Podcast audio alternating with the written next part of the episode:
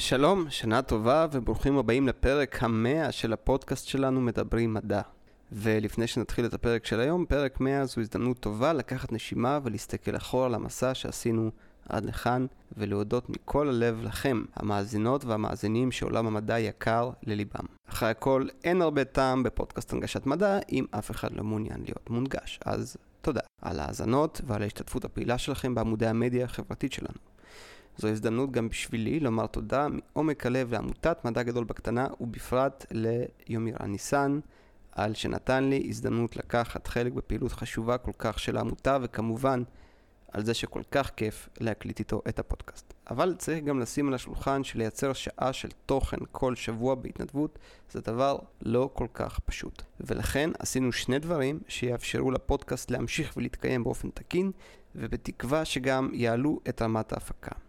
אחד, במקום להוציא פרק כל שבוע, אנחנו לפחות נכון לעכשיו נוציא פרק חדש כל שלושה שבועות. זה חיתוך כואב, אבל הכרחי להמשך העבודה שלנו.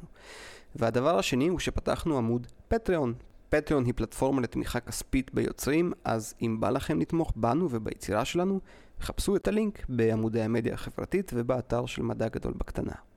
אם אין לכם את היכולת או את הרצון לתמוך בנו כלכלית, זה בסדר, כל התכנים יישארו זמינים לכולם ללא תשלום תמיד. ועכשיו שסיימנו את שלב ההודעות, בואו נתחיל את פרק המאה של מדברים מדע. מדברי מדע, הפודקאסט המדעי מבית מדע גדול בקטנה, עם יומירן ניסן ושמעון רייצ'י. שלום וברוכים הבאים למדברים מדע, הפודקאסט הרשמי מבית מדע גדול בקטנה. And today another English speaking episode, יומירן, special episode, 100 episode. How are you? I'm very excited for this 100 episode. Who, who would have thought that, like, uh, when we just started this, like, uh, almost two years ago, we would reach this number of episodes uh, with the weekly weekly content, and we're not alone today. So so watch your back. We have another uh, host uh, with us today because we have a high-ranking uh, guest. Uh, yeah, so I'm going uh, to introduce our co-host. Our co-host today is Professor Yoav Yair, who was already with us uh, in multiple episodes to talk about uh, different impact of climate change on our planet from different perspectives. And today he will be our co-host, not as a guest, and will ask a lot of very, very important questions. Yoav? Hi, shalom everyone. I'm pleased to be here. Thank you, Yomiran and Shimon. And it's my privilege and honor to introduce our guest, a senior climate scientist from the Goddard Institute of Space Studies in New York, uh, Dr. Gavin Schmidt. Uh, nice to have you here with us, Gavin, and I'm happy to open the floor for questions by the team on this podcast. It's time to talk science. Dr. Gavin Schmidt, thank you very much for being with us uh, on this uh, very special 100th episode of our podcast. How are you? Uh, thank you very much. Uh, yeah, I'm great and uh, and honored to be uh, to be here. Thank you. And in your honor, uh, we needed a backup force uh, from another climatologist, the best we've got. Uh, and it's uh, Professor Yoav Yair. He's been several times here as a guest. And today is gonna supply us with the lack of knowledge, with the knowledge that we that we lack in order to interview you properly. As we always do, please introduce yourself. Please introduce the GISS, uh, your position there, and uh, we'll move on from there. Uh, thanks. Okay, so um, like I said, my name is Gavin Schmidt. I'm a climate scientist. I work at the uh, NASA Goddard Institute for Space Studies, GISS, um, in New York City. Um, I'm also uh, working at uh, NASA headquarters as the as the senior climate advisor to the administrator right now.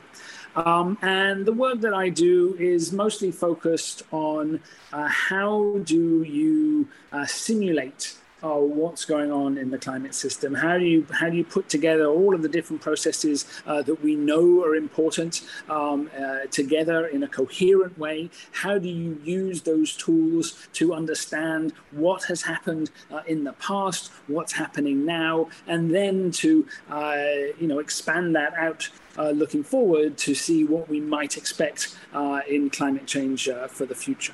So, as we talk about global warming, it is uh, sometimes a hard to uh, digest fact. Mm-hmm. so, in, in general terms, how do we know uh, global warming, warming is happening? What do we need to pay attention to? And uh, later we're going to the science of how to do it exactly. Okay, so I mean, the fact that the globe is warming uh, is evident in all of the different data sets that you could look at. It's, it's clear in the oceans, it's clear on land, uh, in weather stations, in mountain glacier melt, uh, in the retreat of Arctic sea ice. Uh, changes in the Arctic are roughly three times faster than what's happening around the rest of the planet. But we're seeing changes everywhere, with a few exceptions perhaps uh, the, uh, the, the, the southern oceans immediately around uh, the continent of Antarctica. Um, but we could get into why that might be uh, later, perhaps. Uh, but the fact of the matter is is that the warming of the planet, which is just over a degree Celsius in the last hundred years or so, um, is unequivocal. Uh, there's no there's there's no data that suggests that this is not happening. Um, we have very very clear trends, not just in weather stations, but all of the kinds of ancillary ancillary data uh, associated with, you know, um, plants moving poleward and upward uh, on mountainsides. You know, all of these things are happening. Corals dying due to warming of the water. So yeah, so so coral bleaching events uh, bleaching. are increasing in frequency, um, uh, and uh, if they happen only every so often, the coral can can uh, can recover. Uh, if it happens a lot and a lot and a lot, then eventually the coral reef will die. Um, uh, and uh, and that's uh, that's obviously something that's very concerning to people. We're seeing a lot more what are called marine heat waves um, in the in the system. So where you have areas of the ocean where the temperatures are, are greatly elevated over what they normally would be. Um, that's something we're seeing over a, a, large large part of the ocean. we're seeing more heat waves on land. We're seeing more intense precipitation on land. We're seeing where we have drought uh, they're becoming more intense, and, and that's and that's uh, specific, especially true uh, around the Mediterranean, around the uh, American uh, Southwest, where we are currently in very long-term drought situations that is that is being exacerbated by the changes in evaporative demand. So so the the warming of the air is, is pulling more water, if there is water, out of the earth. Um, and so the soils are drier, so the impacts of drought are becoming uh, stronger. We know that the planet is dynamic and the, the, climate is changing over time, over long periods, and over long and over uh, very big uh, swings uh, to either direction. So, how do we distinguish between the natural uh, changing of the Earth and uh, how do we know our human contribution to this process and uh, what should we do? Okay, um, let me let's let's break that down. So obviously, if you look back at uh, the history of climate, as best as we can tell, yes, there have been many many things that have caused climate to change uh, over the uh, over over the past you know uh, billion years or so when we've got reasonable data.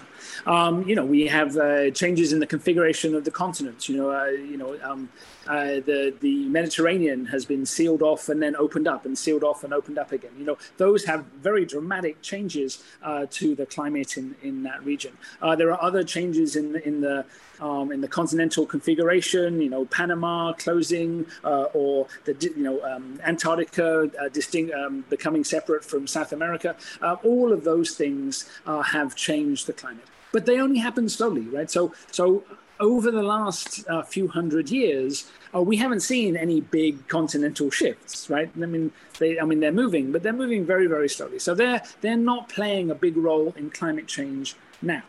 Um, and then we have other kinds of things that affect climate. Uh, we know that the, that the Earth's orbit uh, wobbles slightly. It wobbles in its shape, it wobbles in its tilt, and it, and it, and it precesses so that the, the point at which we're closest to the sun uh, comes in different seasons uh, over many, many uh, tens of thousands uh, of years. Uh, but but those are slow processes, and, and while we know that they're important, they're, they're they what they are what drove uh, the uh, the ice age cycles that we uh, that we can see over the last you know two and a half to three million years. Um, they're very slow, and and right now they those are things that are happening on kind of thousand multi thousand year uh, timescales. And if you look at the tendency that you would be expecting because of those uh, orbital uh, cycles, uh, what you would be expecting is a very slow uh, cooling of, of the climate uh, at the present, which is obviously not what we're seeing. Um, and so uh, we can we can go through the different um, uh, potential candidates for, for climate change. We can we can look at the sun. We can look at volcanic eruptions. Uh, we can look at uh, you know internal oscillations in the ocean. Um, uh, we can look at uh, cosmic rays. We can look at yeah. Um, you know, nearby supernova, asteroids, uh, all of those things have, have changed the climate um, over Earth's history. But over the last 150 years, we haven't been hit with an asteroid. Uh, we know when there have been uh, uh, volcanoes. Uh, we have reasonable records of what's happening uh, to the sun. And, and, so we can take those things and we can put them into our models and we can, we can ask ourselves if those had been causing the climate to change, what would be the fingerprints that we would see? Right? Where would we see, uh, you know, differences uh, between those different um, uh, those different candidates, right? So, so it's like you know we're, we're we're detectives, right? You know, we come across a crime scene uh, and we have a lot of uh, suspects, right? Because you know who knows might have done it. Um, and we're looking for. It's Yoav. I blame yeah, Yoav. the butler did it. Yes yeah, and we're looking we're looking for fingerprints, right? Um, and so uh, each of those different mechanisms of climate change has a different fingerprint, right? So if the uh, fingerprint, if, if, if, it was all about um, variations in ocean circulation, oh, what you would see is, you know, maybe warming in one place, but cooling somewhere else, right? Because energy is conserved, right? So if the oceans are giving energy to the atmosphere, then it has to be disappearing somewhere else, right? So you'd see ocean cooling somewhere. Do we see that? No, we don't. Um, if we uh, saw something that was being driven by the sun uh, and we had like a more active sun, then what we would see would be warming throughout the atmosphere, right? So from the very top of the atmosphere to the bottom, if you increase the sun, temperatures rise. Yes. Is that what we see? And the answer is no, that, that's not what we see. We see something quite different. Uh, what we see is warming at the surface and in the kind of the lower part of the of the atmosphere, kind of up until you know where the clouds stop, basically. Um, and then for, for things that are above that, the stratosphere, the mesosphere, the thermosphere, it's actually cooling. Cooling. And that's an interesting phenomena. Why is that? Why is that happening? And it turns out that that is very much the signature of increases in carbon dioxide, uh, with a little bit of uh, ozone depletion uh, thrown in, uh, because of course we're not just doing one thing to the planet; we're doing many things to the planet. Yes, um, uh, and so, and so there you are. There you've, you've got a, a, signature that if it was one thing, you would say, "Oh, well, well, it's that. that that's a fingerprint," and if it's the other, then you'd be able to decide. Um, uh, and, and so you can look at the changes in the stratosphere, the changes at the tropopause, the changes in the troposphere, the changes at the surface, the changes in the ocean, the changes in the Arctic versus the poles, uh, the changes in uh, the diurnal cycles, the changes um, in, in rainfall intensity. And you, and you just go bing, bing, bing, bing, bing. Which of these phenomena are most associated with the changes, uh, with, with, the, with the potential uh, causes um, and when you when you look at that and you say, okay, well let's just let's just look at all of the natural things together: the changes in the sunspot cycles, the uh, the volcanoes going off, the orbital wobbles, and you say, do those changes match what we see uh, in in the observations? And the answer is no; they fail utterly. Uh, there's a there's a there's a concept um, from particle physics, uh, which, which some of your listeners might be uh, aware of, is that you know when they're discovering uh, or trying to discover a new particle, uh, they have a five sigma cutoff right? So they have their background uh, calculation, and for something to be new, it has to kind of pop up above the background at, at not at a two sigma level, which which happens pretty, you know, one every twenty times, uh, not at a three sigma level, which is like one in a thousand or something, yes. uh, but not a four, but a five sigma level, which which is like kind of one in in a billion I'm not quite sure what the, the right number is. Yeah, we go just, back. Just to be clear, for for, for uh, those who may, might not be familiar, uh, we're talking about the probability of your uh, result being a, a fluke, being a, a lucky, That's right. a lucky Random. Right. Uh, so so so the um, so in, in particle physics they you know they have a five sigma cutoff. That that that is so unlikely uh, to be to have just happened by by chance that they can then say okay no we've discovered something new. Uh, it, it, it is yet, but but it, it is yet a uh, arbitrary barrier that we set. Oh, it, like- no, it, it, it is arbitrary. Yes, yes. Uh, but but you know, but, it's- it gives confidence. It's a very uh, Uh, com- yes, confidence it- reassuring. And so, where we are with the temperature, if you just put in the natural background state, the changes that are due to the natural forcings, and then you say, how far outside of that uh, are we in the observations right now? And the answer is seven sigma. Right? That is Seven so impossibly impossible that, that, that you'd have to wait pretty much the entire length of the universe to be able to see such an anomaly. And we're seeing it you know, decade by decade by decade uh, here on Earth. So, so if the answer is is what we're seeing a natural phenomena, we can rule that out with extreme confidence, right? So, what's happening right now is not a natural phenomenon. And now, Based on, say- on, as you said, many check marks, check boxes. I mean, it's not Yes, just yes. a result. It's it's many results over many fields of study. Uh, yes, and it's and it's many independent data sets done made by independent people using independent data, uh, and so there's there's uh, there's no circularity here. There's no um, uh, there's, there's no groupthink here. It's it's very much uh, you know all of the pieces of information line up in that same direction. Right? Yeah. So we're very, very confident that you cannot explain what has happened using natural, um, uh, non-human caused uh, phenomena uh, on their own. Uh, and you mentioned that uh, the level of confidence is very high. And indeed, in the assessment report six that was published uh, a couple of days ago, uh, this is what the authors actually say that uh, I don't think they're using 100% confidence level, but uh, gradually from AR4 to AR5 to AR6, our level of confidence that this is us, this is anthropogenic in nature, and climate change is real and caused by increase in greenhouse gases in the atmosphere, and it cannot be anything else. Still, in the scientific community, um, well, I would say the non-climate science community, uh, people come up with the question of attribution. So, how can you say that, for example, the heat wave in the West Coast a month ago is related directly to uh, this global phenomena of, of climate change? And how can you attribute the intensification of Atlantic hurricanes to, to this? Uh, so you follow my, my question because many people, uh, as I said in the beginning, uh, even in the Israeli media, uh, how can you attribute the, the last drought and the fires in Jerusalem to climate change and not to a natural cycle? Okay, uh, so- wait, wait, one second, just like, like, just to do a, a, a short uh, uh, pause here. Uh, what you are is saying, uh, the AR4, AI, AR5, AR6, he's referring to the uh, I, IPCC uh, reports that are like coming out every few years, right? Yes, maybe, maybe we should clarify that, by the way, uh, as you answer the For our question. listeners, okay. Yes, yes. Please, Gavin. Sorry. Uh, so those those are those are great questions. Um, uh, let's let's take a step back and kind of break it break it apart, right? So um, we we've seen in the in the global mean that the the, the natural uh, causes for change are, are, insufficient, but greatly insufficient.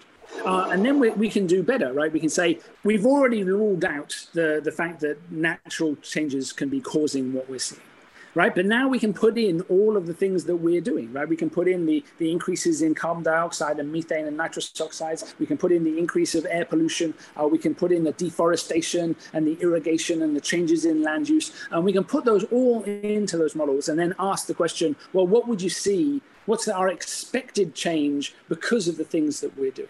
And what you see at the global level and, and at the regional level is that it matches what we see right? So not only have we ruled out a natural cause, we actually have a very clear attribution to what we're doing uh, collectively. And, and, and, the biggest thing that's happening um, is the changes in greenhouse gases, and the biggest greenhouse gas that's changing is carbon dioxide.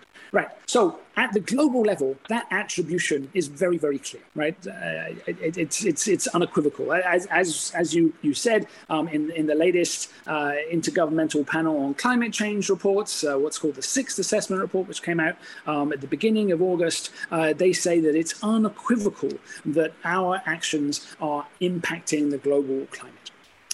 Um, and then people want to know what that means for them, right? Nobody lives in the global mean, right? What do you know, that's a kind of esoteric thing in in the first place. The numbers don't seem that large. Like, what's one degree? Like, yeah, it doesn't seem such a big deal. Uh, it is a big deal, and, uh, and and and we can perhaps get into why that's a big deal. But but but it's a big deal because at that level, we're already seeing impacts on on weather events right? We're seeing increases in the number of heat waves and their intensity. We're seeing increases in the amount and intensity of strong precipitation. And we're seeing that pretty much wherever we have sufficient observational data to be able to say uh, what's going on. Um, and we don't have great rainfall data from everywhere around the world, and so that's a little bit more limited than, than the temperature data, which we do have uh, quite good temperature data from around the world. Um, uh, we have good hurricane uh, data from, from the Atlantic, and we're seeing an increase in uh, the, the intensity. So there's, so there's more uh, category three, four, five, the most intense storms uh, that, are, that are happening. And so when you see a storm, when you see an intense rainfall event, when you see a heat wave, uh, it's a natural question to ask well, what, what was our role in that? Did we have a role in that? And, and the way that we tackle that question um, it, is really a, a, very interesting new piece of science. It, and it, it wasn't really possible uh, 10 years ago, but, but now it's, it's much more possible. What we, what we do uh, is we take uh, a lot of computer simulations, so so a lot of, uh, of, of, years and years and years and years and years uh, of uh, computer simulations, um, and what we're looking for is is what happens at the tails, right? So if you're looking for extreme events. Um, they don't happen very often. That's why they're extreme, right? So if they happen all the time, they'd be in the middle, right? So if you're looking at extreme events, you need to run things over and over and over and over again, or have very, very long uh, observational records. And, and in a lot of places, we don't have long enough observational records to say something about the one in a hundred year event, right? And often we only have a hundred years of, of records. And of any record, of, not uh, the, of questionable quality, it could be acquired through all the means. Uh, exactly, you know, and you go back to the 19th century. You know, they're not they're not taking measurements uh, with the eye to what we're going to think about them a hundred years later, right? It's um, not a five sigma result. exactly, exactly. Uh, so so we have to we have to we have to be a little bit more creative. Uh, and so what we do is we take um, uh, we take a lot of computer simulations and we run it in two different ways. One with all of the conditions that we have right now including the increase in greenhouse gases, including the warming of the ocean, including uh, air pollution effects. Um, and then we do another one, which is a, a counterfactual. What, what, what would it be like if none of that had happened? If, if the ocean had not warmed, if the carbon dioxide had not gone up, if the air pollution had not gone up, uh, what would we see? And, and we run these things over and over and over and over and over and again. And then what we try and do is look at, at the, those those tails, right? So so what happens at the at the extremities, uh, and what we find is that in the globally warmed world, something like a heat wave happens uh, and, and you can define your heat wave any way you want, you know, uh, like, uh, you know, greater than 35 degrees, greater than 40 degrees, and lasts more than, you know, whatever, whatever metric. Uh, we use 33 in Israel. Okay, that's a that's a that's a that's a good number. Yeah. So so here we use 90 degrees uh, because we live in Fahrenheit world anyway. um, but but you're far more sensible, um, and so uh, so 33. That's a good thing. So you so you say okay, well, um, how many times did we breach that 33 degree threshold in this region uh, with the globally warmed world versus the unglobally warmed world? And what, what we find is that the number of times that you're going to breach that threshold uh, increases, you know, pretty much exponentially. So, uh, so we, even with a one degree warming uh, in the world, you're going to increase the number of times you get past 33 degrees by a factor of five, by a factor of 10, by a factor of maybe 100. Um, and in the Pacific Northwest, uh, the situation that we had at the end of June in the US and, and, and uh, Western Canada, uh, what we found there, I mean, no, no, no, what, what the community has found, um, is that uh, the likelihood of an event like that uh, increased by about 150 times uh, because of the underlying changes in climate. Which means that for something rare that is only going to happen, you know, once every a thousand years, perhaps, uh, now it's a once every 50 year thing, right? Yeah, For and again, and that was a again, it's so slow year- on a human scale that you know something that will happen uh, once in uh, 50 years will might happen twice in a person's lifetime. And I, uh, first of all, I'm blown away by the fact that you're using simulations to study something real that you just cannot get enough temporal uh, data on. And second of all, I think the core of the problem to understand those issues is the fact that even scientists can't get uh, all the data they need those simulations so how hard it is for a common person to really understand those issues as they are so rare and our lack of ability to really gra- uh, grasp statistics properly and to understand what is a uh, the difference between a, a rare event and the common event. And uh, its global impact uh, those things are very hard and i think nothing demonstrated better than uh, what you just uh, described. Yeah, I mean, the, the, the, the key thing I think for the for the scientific community is that in any one particular place, uh, then a one in a hundred year event is is rare. But if you look at all the different places, right, then you know you get one in a hundred year events, you know, pretty much everywhere Yes. uh, at some point. And when you start aggregating that, and you start to say, okay, well, those things that were one in a hundred year events, you know, across the world, you know, are they coming more frequently? And the answer is yes, yes, they Yes. are.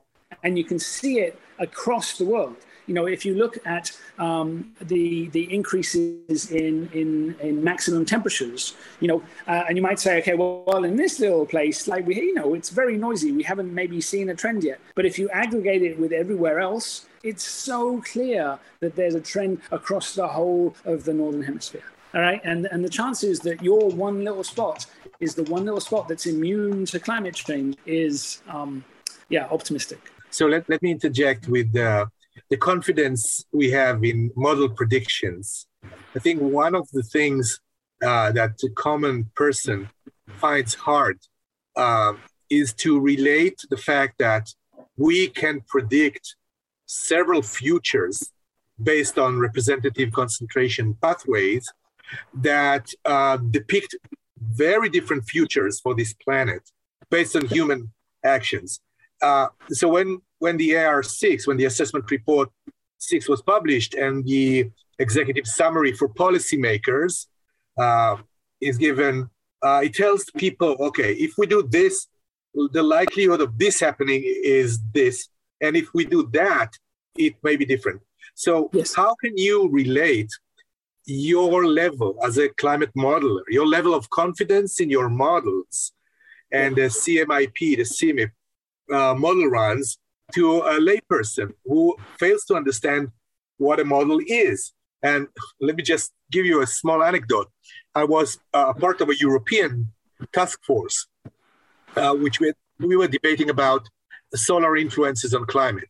And um, so I, I said that one of the major difficulties that we as scientists have in relating our results to the global public is that we use names and uh, phrases that are alien to them because for them using a supermodel is probably talking to claudia schiffer which was a very german beautiful uh, fashion model Yeah, I, I know who Claudia Schiffer is. Yes. Okay, you know. Okay, so uh, a supermodel is not something common. or, or easily understandable to people. So, how would you suggest, or how can you, I mean, relate your uh, confidence in those models and the assumptions that are embedded within those models, which are mm-hmm. inherent sometimes, uh, you know, prediction about the, sure. the production of X or Y or Z, how many, uh, you know, uh, ppm of CO2 will be in the atmosphere or methane? Are we depicting the, the very complex feedback mechanisms like the ice albedo mechanisms uh, mm-hmm. or the, the melting of the permafrost in Siberia? So here, I lay that for you, I mean, to tackle this question. Yoav, I'm so happy you're here hosting it with us. I'm learning so much just from listening to your questions. Okay. Uh, yeah. So that's it's it's it's a great question. Why why would you have any confidence in in these models? They're really really complicated. They're, there's probably errors in them, um, uh, and despite the fact that they're complicated, they still don't include everything that we might think of as uh, as important. Uh, so you know, it's it's it's totally valid to be skeptical uh, of, of, these models. Like obviously, the people who are working on them, trying to make them better, are skeptical of them all the time. Um, uh, but you have to you you have to you have to uh, look uh, at, at, how useful they are. So so they can still be um, imperfect. In fact, all models are imperfect, right? Um, but we're still using them for predictions. So, so why why is that? Um, and and I think one of the best ways to uh, to address that is is, is not to uh, point at how complicated they are or how many lines of code there are. You know, I mean, that, that's uh, all of those things are true, but uh, but they're not they're not the, the, the key uh, argument. The, the key argument is that when they have made predictions, they've been correct. Right, we we have um, uh, over over time. Right, we've been working at this game uh, for about forty years, like since the uh, since the early '80s. Uh, and so, you know, we have we have a track record, right? We have a um, uh, publications you can go back to, data you can go back to, and you can say, well, when, when you predicted that back in the 1980s, what happened? Yeah. Right? Uh, and uh, oh, and those early ones, even back in the 1970s, they had like kind of toy models yeah, the, that, that we, the Charney report, right? Right. Um, uh, how how well did they pan out? You know, did they did you really do a good job? And uh, we actually we actually went back um, in a paper last year. We went back and we found all of the predictions that we'd made um, uh, as a community from the 1970s through to um, uh, kind of the mid 1990s that, that we could find. And we said, well, how well have you done? Right? You know, um, uh, and I think what we found is that, you know, like 14 out of 17 uh, cases, they were spot on the money. Right, and the ones that were that were off, you know, one was off because they they'd made a mistake and they corrected it like the next year, and then that one was correct, uh, and uh, mostly they were spot on. Uh, the, the, place where uh, they had more problem, uh, not not was not really in the um, uh, was not really in the uh, the physical aspects there, but in estimating what were what the other greenhouse gases were going to do. Right, so there were there were estimates made before the Montreal Protocol that uh, reduced and then finally banned uh, the production of uh, chlorofluorocarbons that used to be used in aerosols and in refrigeration units.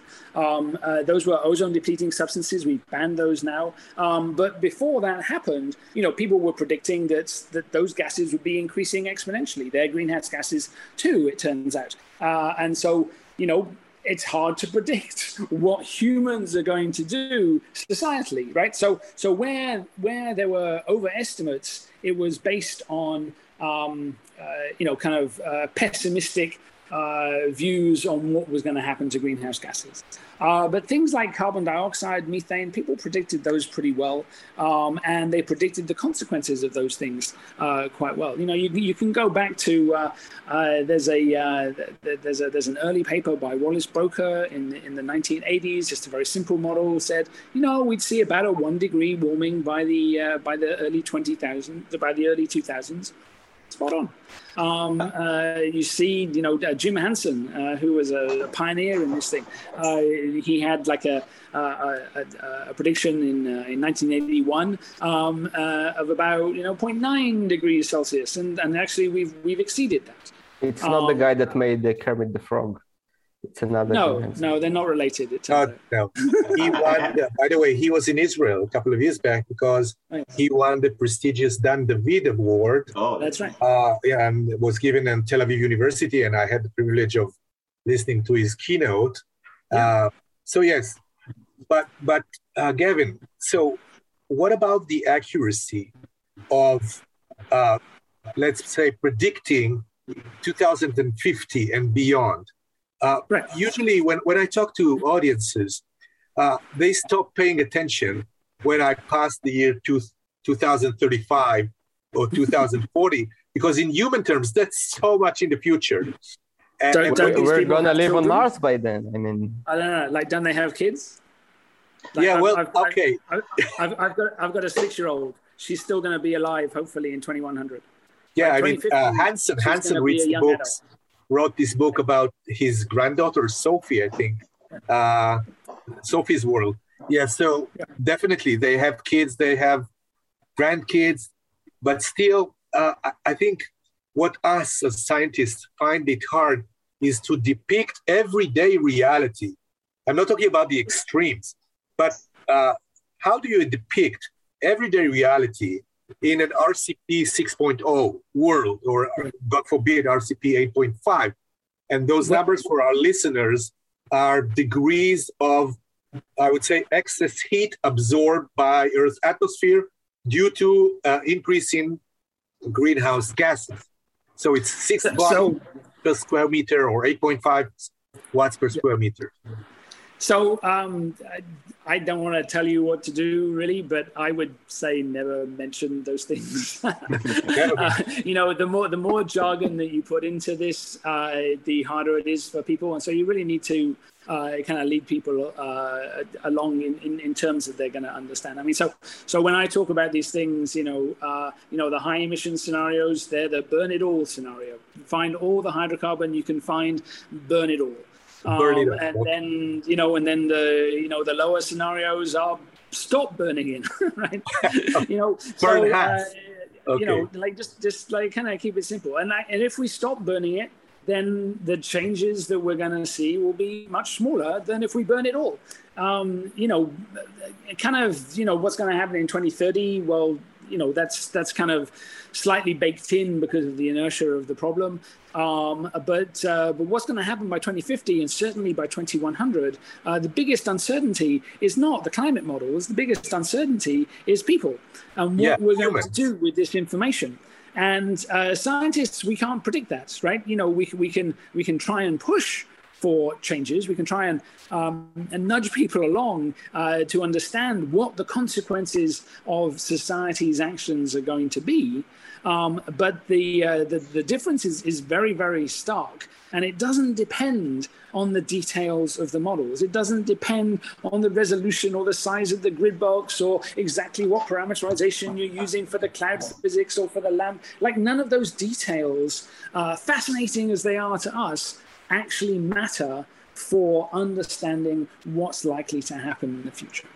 Just on a small side note, uh, you are asking here a, a very old question of how to make people believe or trust science, or I think it's more of a question of being interested in science and thinking science is cool. Science is something that you want to be involved in. And uh, if you solve this very hard question, then you can uh, turn people's uh, minds around. Um, my next question is about man-made interference that is trying to um, make the change, to undo the change. I just uh, want to say that we have a whole episode with Yoav just on that topic that like he reviewed a lot of the different options that human uh, have as a geoengineering. Toolkit. Yeah, geoengineering uh, and like you know in order to prevent not prevent but like stop or slow down the progress of this and uh, we talked about a lot of other technologies and and the, the bigger issue here that Shimon started is like, will it, if you think we should do it, how you think we should do it, and if it will be cost effective against the, the estimated cost of climate change.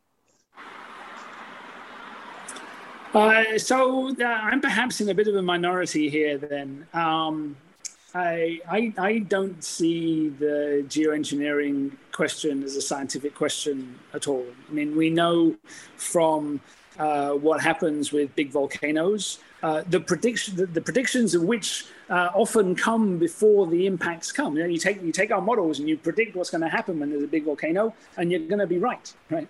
Um, uh, but you know, we, we, know we know that you know if you put sulfates and aerosols into the stratosphere, it will cool the climate. Uh, we know that it will have impacts on ozone depletion. We know that it will have impacts on, on high level clouds. It will have impacts on on um, monsoons. It will have impacts on uh, you know, perhaps the you know the westerly wind patterns in the uh, in the northern hemisphere. Uh, we, we we know all these things, um, uh, and and if somebody uh, wanted to do this, uh, they could. Um, but the problem the problem with geoengineering though is so it, it is is not scientific, right? It's not like oh you know we don't know what's going to happen. I mean, sure, we don't know exactly what's going to happen, but but uh, you know, you, you could cool the planet if you wanted to do that. The problem with geoengineering is that for it to be a useful solution, it has to be geopolitically sustainable over decades and decades and decades. And you're in a part of the country that has not seen a lot of geopolitical stability in recent decades. um, yes. And uh, when it comes to uh, somebody deciding to do this. Uh, the world that, so so you know the, the world can barely get together to agree that dangerous climate change is something yeah ju- just right? you know to agree that something needs to be done Right. Not, I mean, for, for them to agree on a set temperature that we want to maintain the, the planet and to set up a situation that would be sustainable uh, over many, many electoral and dictatorial cycles um, uh, is, is uh, frankly, to me, um, a fantasy. yeah. A fantasy, exactly. And so you so you're left with uh, rogue efforts where one country decides that you know they they're, they're tired of losing uh, land to to coastal flooding. They want to reduce the chances of um, uh, of more you know ice sheet melts, and they decide to do it on their own. And you know, and you could you could come up with a couple of countries uh, that could do that um, and uh, and would be capable of doing it, right? So so basically, China, conceivably Russia, but mostly China.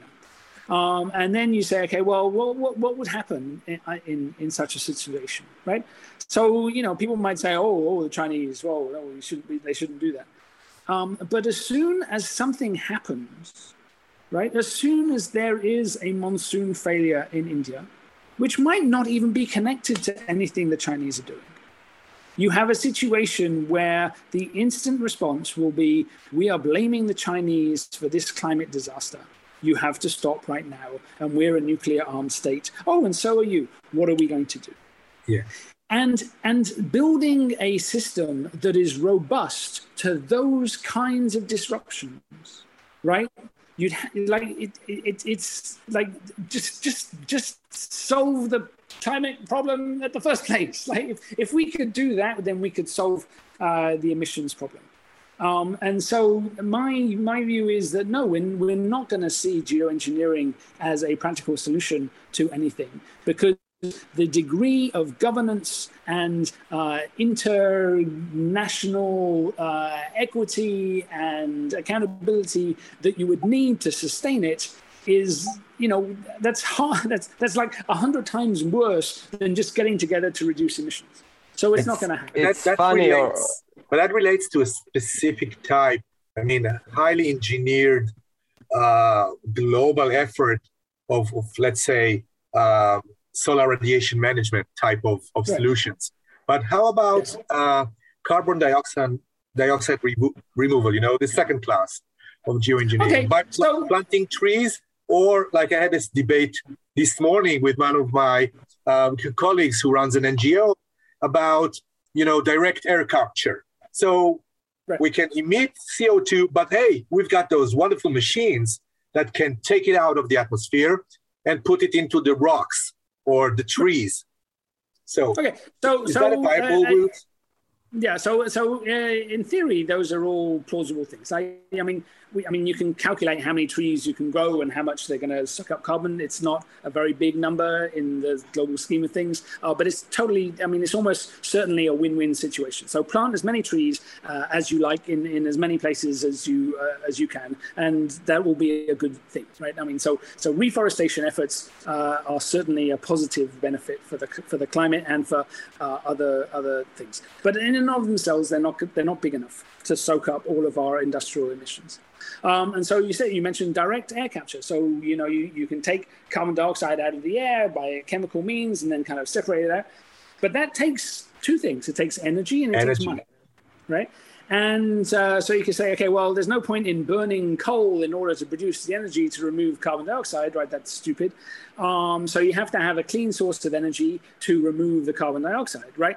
But if you have a clean source of energy, why aren't you just shutting down the the, the coal-powered fire stations in the first place, right? You And- say, okay, and I well, bet- maybe, maybe I, I bet that in, even if you do the local type of solution, someone will blame you for their own trouble because, well, everything is eventually connected. well, that that's almost certainly the case, and, and Yeah. unfortunately, it's part of human. Uh, you, you always need to think about not starting a nuclear war as you're trying to, to fix the planet. Right. That that's a good that's a good watchword. Don't start a nuclear war while trying to save the planet. I, I Yeah. would support that. Um, but then you but then you look at the cost uh, of direct air capture, and uh, and you know and the and the best um, the best engineered solutions right now, you know they they put the cost of bringing things down at, the, at around 500 600 1000 dollars uh, us dollars um, per ton of carbon dioxide removed and you think, well, you know, uh, you know, well, that's actually quite a lot of money.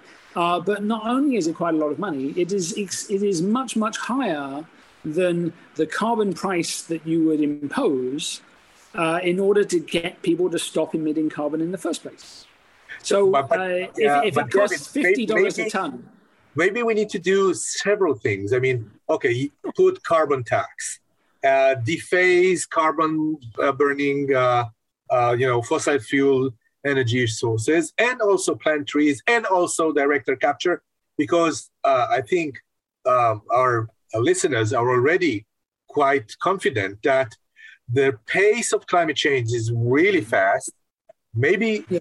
even under predicted to some level. Maybe, I mean, we are under predicting uh, uh, polar melt uh, in Greenland. It's maybe we're too optimistic. So yeah, we need to do several things at the same time, policy-wise, governance-wise, but also science and technology-wise. And um, so it, it's coming um, like we need to attack this problem with multiple weapons. Forgive me for using this. No, uh, no, no, no, no. That's that's totally fine, and and, and you're absolutely right. You know, this, this is you know emissions come from very many different places, and there's very there's a lot of different technologies that can be used uh, to reduce them. Um, but you, you can you can kind of rank things, right? Uh, there are some things that you can do that save you money and reduce emissions, right? So better insulation in your home, uh, better, more efficient appliances. Uh, they save you money and reduce emissions, right? So so that's that's cost effective to do right now. You, like nobody who has spare capital should not be doing those things. Uh, then there's things that uh, you know pretty much uh, cost neutral. Um, so you know if you want to um, block uh, methane leaks from pipelines, right? That that actually saves you a little bit of money, so that's still positive. Um, if you want to uh, capture methane from landfills, okay, that doesn't that's not quite as cost effective, but it's still uh, it's still uh, pretty good value. Um, and then there's then there's things that well, okay, well let's encourage uh, electric vehicles. Well, there's there's some infrastructure that you have to build uh, for that. That's a little more expensive, and and so you can go on. You can say, okay, well, how many things do I need to do uh, before I get to how expensive it would be to do direct air capture from ambient air? And the answer is you would have done everything before you get to. It, I, Right. I have a, So, so if we're doing this in a uh, in any kind of um, economically rational way, which is very unlikely to happen, frankly, okay, um, uh, then direct air capture is still the last thing that you would do. Okay. Yeah, I think the answer to your question is we need to do all of those things, not only to uh, harvest the positive effects, but mainly to to make people embrace that that that uh, state of mind that something needs to be done, and then we might get to a position where a more global change or a more global effect, technological or uh, whatever, will uh, will have a chance to to to be viable. I, I would like to ask uh, to take the, the conversation in general a bit in a different direction, and I'll explain what I mean. We're talking mostly about uh, carbon emission, but uh, a lot of people are also talking about methane emission and the impact that methane had on the situation. So mm-hmm. I want to know, like, what's the first, what's the total effect of methane on the on glo- on the climate change? Also, what's the human effect? Um, mm-hmm. Like from like from different sources, you know, meat, rice. You talked about natural ga- gas. And also another issue is what are we going to do about like major, uh, major uh, in, in industries that are essential for our economy today, like uh, shipping, air transport, uh, that we don't have anything but fossil fuel to to make them keep going. Right. Right. Okay, so uh, let's tackle uh, methane first, right? So um, it's the second most important greenhouse gas that we've changed uh, after carbon dioxide. Uh, we've more than doubled the amount of uh, methane in the atmosphere since the uh, since the 19th century. Um, it's running at about 1,900 parts per billion right now, um, which is which is not large, but it turns out to it turns out to be a key greenhouse gas in a particular frequency that makes it kind of special. Um, and if you look at, you know, how much climate change has been driven by carbon dioxide and how much climate change has been driven by by methane, uh, methane is running at about two thirds of uh, the uh, the um, the impact of, of carbon dioxide.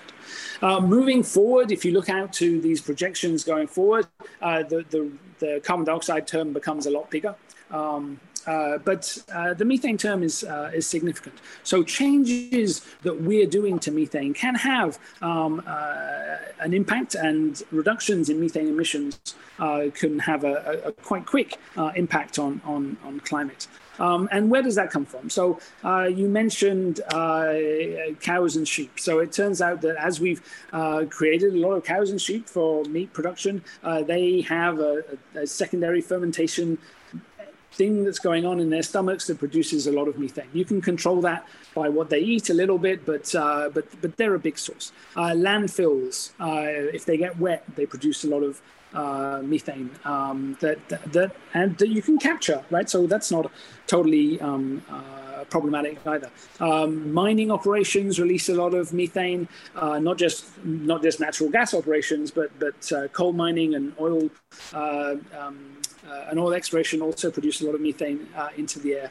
Uh, people can flare it; that's slightly better than than letting it out, but you're better off capturing it and, and using it. Um, uh, and that's that's cost effective. Uh, you know, but you're also seeing things like um, uh, you know, uh, wetlands produce uh, methane. And so as the temperature warms, you're seeing methane feedbacks coming from these wetlands. That's increasing, uh, that's a positive feedback, an amplifying feedback uh, that's making the situation uh, a little bit worse. Um, and so, you know, we, we can tackle these things. There was, there was a, a United Nations report um, from uh, the, the, environmental pro, uh, program there uh, on methane that, that came out just a couple of months ago, looking at all the different things that, that you're doing. and, and methane, you know, it isn't just a greenhouse gas on its own, but it also makes it's an ozone precursor. So, so tropospheric ozone is, is a component of smog. It's very unhealthy, but also a greenhouse gas. Um, and so reducing methane reduces um, ozone, which reduces smog, which reduces um, uh, um, uh, public health problems. And so uh, reducing methane is a win-win uh, across a whole swath of different fields. It generally saves you money uh, to do it. Um, it reduces climate change, it reduces air pollution, and it reduces impacts on public health. Um, and it also, uh, you know, increases crop yields because ozone is such a, uh, destructive um, gas for uh, for crops as well. Uh, so we should be we should be reducing methane wherever we can. I mean, those are those are some very easy win-win-win uh, types of projects as we approach uh, our uh, the end of this uh, very interesting episode and of course we could continue for hours talking about this and listen to you talk about this, uh, I would like uh, have to ask uh, uh, the question that actually interests interests me the most. So you have go ahead. Yeah, well, I'm not sure I will pinpoint what you had in mind, but um, we always look at NASA as the most authoritative agency of the U.S. government, maybe in parallel with NOAA, uh, to give us citizens of this planet uh, first of all, a, a set of tools to look at the planet from space, monitor it, and report, uh, and also predict the future. So, what do you see as NASA's role, and maybe Goddard Institute for Space Studies uh, specifically, in the next decade or two, uh, as, as, I would say, guardians of the planet? you, you asked it beautifully, by the way. You have. That's exactly what I wanted to say. I only wanted to mention that uh, eventually uh, your consulting uh, makes its way uh, up uh, the chain uh, to the president of the United States. I think we all want to hear what's in NASA's roadmap for the future. Uh, so that, that's a, it's it's a great question, and uh, and thank you for the the kind words. I mean, NASA does strive uh, to be a source of information and uh, an understanding of what's going on in the climate system on the Earth um, for, for the whole planet, not just uh, for the United States. Um, and most of what we do is, is, is global. Like satellites don't distinguish uh, between you know borders, and uh, and you know and they're just as valid um, in the in the Mediterranean as they are in the Atlantic. Um, and so uh, NASA is, is pledged to do a number of things. Um, uh, one is, uh, you know, we have a, uh, a very uh, impressive uh, fleet of satellites right now. We have about 22 platforms in space right now, measuring a whole swath of things from ozone to temperature to clouds to radiation um, to carbon and soil moisture and all the rest of it. Um, and some of those are getting a little old and they don't have very many years of life left left in them. Uh, so we're um, gearing up for um, a full decade uh, renewal of our Earth uh, System Observatory, and so we're we're we're putting together um, five kind of combined missions that will look uh, and continue the observations that we've had already, uh, looking at, at, aerosols and clouds and rainfall, um, uh, vertical land motion, uh, gravity changes. Uh, so that's replacement for the A train? Gavin, that's a, yeah, so, a replacement so, for the so A train. yeah, so so I mean the A train is is in orbit, but the the individual satellites in the A train constellation um, have uh, you know, maybe one or two years left in them uh, oh. because they're they're running out of fuel to do small maneuvers. Um, uh, so we may be we may be lucky, and you have a couple more years, but. Uh, but we're, we're, we're planning and building uh, the next series of launches uh, to replace them uh, with better and uh, more interesting instruments. Uh, I think particularly uh, ones associated with aerosols. Um, that's that's obviously been one of the things that we haven't been able to measure continuously for very uh, for very long periods, and, uh, yeah. and, and that has been a big a big hole in our understanding. Uh, so we're we're building a whole new suite there. I mean, it's going to be called the Earth System Observatory. Uh, you're going to hear more about it um, uh, over the next uh, couple of years for certain. Are you um, going to launch also, it on the SLS? Uh, no, the, the, SLS is for um, uh, for is, for beyond low Earth orbit. these will all be in you know kind of you know 400 to 700 kilometers high. Um, so they'll they'll be. So, so you'll go you'll go with SpaceX um, you know, you know. I'm just kidding. I'm a, I'm a, I'm a SpaceX fan, as uh, all our listeners know. So I'm just using. I mean, NASA is uh, is happy to go with uh, whatever's the most um, secure and uh, and cheapest uh, options. Uh, you know, our, our goal is not to own everything. Uh, it's to get things in space so that we have we have that data and we have that understanding. Um, so uh, we're, we're doing that on the, the, the Earth observation side. Uh, we're spending a lot of money on sustainable aviation. Uh, so uh, the first day in, in NASA is aerospace technology, uh, and we have a lot of projects on um, all electric flight, um, different kinds of fuels to reduce emissions um, and reduce contrails and reduce uh, other kinds of pollutions. we have um, uh, research into flight operations to try and reduce the, the footprint of flight operations as they are now. Um, and, and we're kind of helping with the, with the goal that uh, global aviation has uh, of trying to reduce uh, emissions by about 25% uh, in the next decade um, with a goal of, of kind of eliminating emissions by 2050. that's challenge uh, for certain, uh, but we're investing a lot of money, uh, literally hundreds of millions of dollars, on um, uh, looking at uh, new uh, flight um, pr- propulsion systems for that. Um, but but more kind of broadly, you know, NASA is really trying to pioneer the idea of open science. trying to make sure that our data is accessible uh, to people that we can build applications uh, for policymakers, for citizens, for decision makers, for other stakeholders uh, that use our information uh, in, in the most appropriate ways. We're, we're investing in training uh, to help people do that. We're investing in, in IT so that it happens more naturally. We're investing in cloud computing uh, so that things can be more readily available anywhere you are in the world without having to, you know, kind of have a special NASA ID or go to a special site yeah. or try and find what's going on, um, and, and, to you know kind of share uh, the codes and the algorithms and the, and the processing uh, power uh, so that people can work uh, with our data. We are making applications uh, for different groups, um, whether it's you know, the New York City panel on climate change or, or, or the sea level. We, have, we, we just put up a whole bunch of um, sea level predictions uh, that you can go and point and click at that came from the IPCC process. Uh, and they're on um, uh, sealevel.nasa.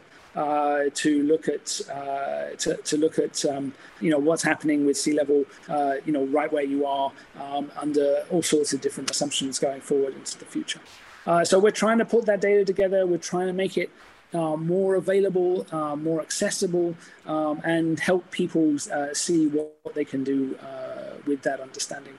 Uh, and that's not just the observations; it's also the predictions and the projections going forward. And those listeners who are interested in seeing all this fantastic data displayed, I can recommend going into climate.nasa.gov and and just checking the pulse of the planet as NASA sees it, and lets uh, uh, citizens of this planet uh, observe in almost real time what the situation of our home in space is. You have you, you need to come to all of our episodes from now on. Uh, you have such an inspirational way of uh, talking about things. Uh, Dr. Gavin Schmidt, I want to thank you uh, endlessly for uh, sharing this very special 100 episode with us. It's been a journey, and uh, I think the fact that we committed this episode to climate change is shows the place that this issue has in our minds and our hearts. I'm sure that the uh, our listeners are uh, here because they care about the things they care about science. And of course uh, how more sciencey can you get if you bring a guest from uh, nasa which uh, is not only a great source of science but a great source of, of the cool science. That's where the magic happens.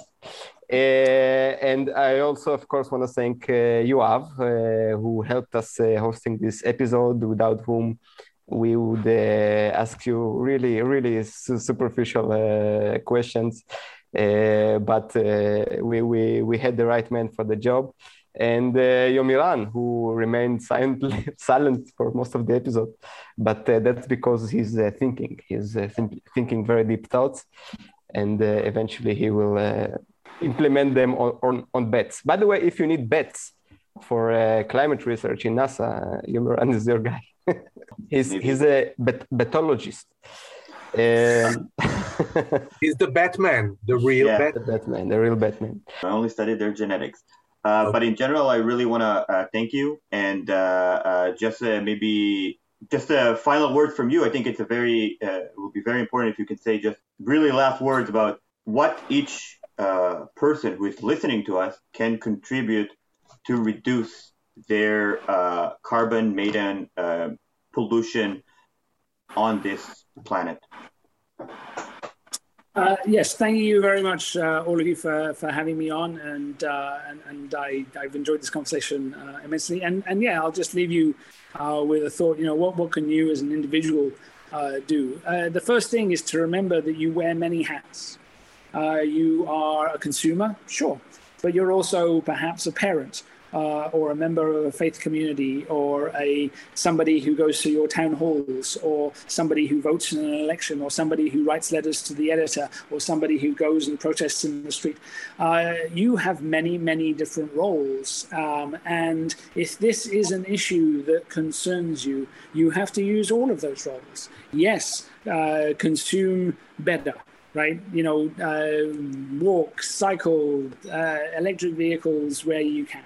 Um, but but don't forget your role as a parent. Help your school make the right choices, make the right educational choices, make the right infrastructure choices. Help your town, your city, your country. Help them make better choices when it comes to where you're getting your power from, how you're getting your power um, uh, you know, there's, there's there's a lot of uh, there's a lot of opportunities there. And while some decisions seem to be made at a level that's that's way above where you are, those are people who are being influenced by people just like you. Uh, and so let your voice be heard. Let your voice be heard in, in conversations with your neighbors. Let your voice be heard in the newspapers, let, on, on TV and on talk shows and in the comment sections. I never read the comments, but everywhere, you know, you, you have a voice and you have to use it. So uh, good luck with אכן בהצלחה. לכם בלהשמיע את הקול שלכם בנושאים שחשובים לכם. אנחנו נמשיך להשמיע את קולנו בנושאי מדע, כאן בפודקאסט, בתקווה לפחות לעוד 100 פרקים. שוב תודה לדוקטור גלן שמיט על פרק נהדר, תודה לכל עשרות האורחים שהיו כאן בפודקאסט במהלך 100 הפרקים האחרונים. שוב תודה לכם, המאזינות והמאזינים. אנחנו נשתמע בקרוב בפרק הבא של מדברים מדע. ביי ביי.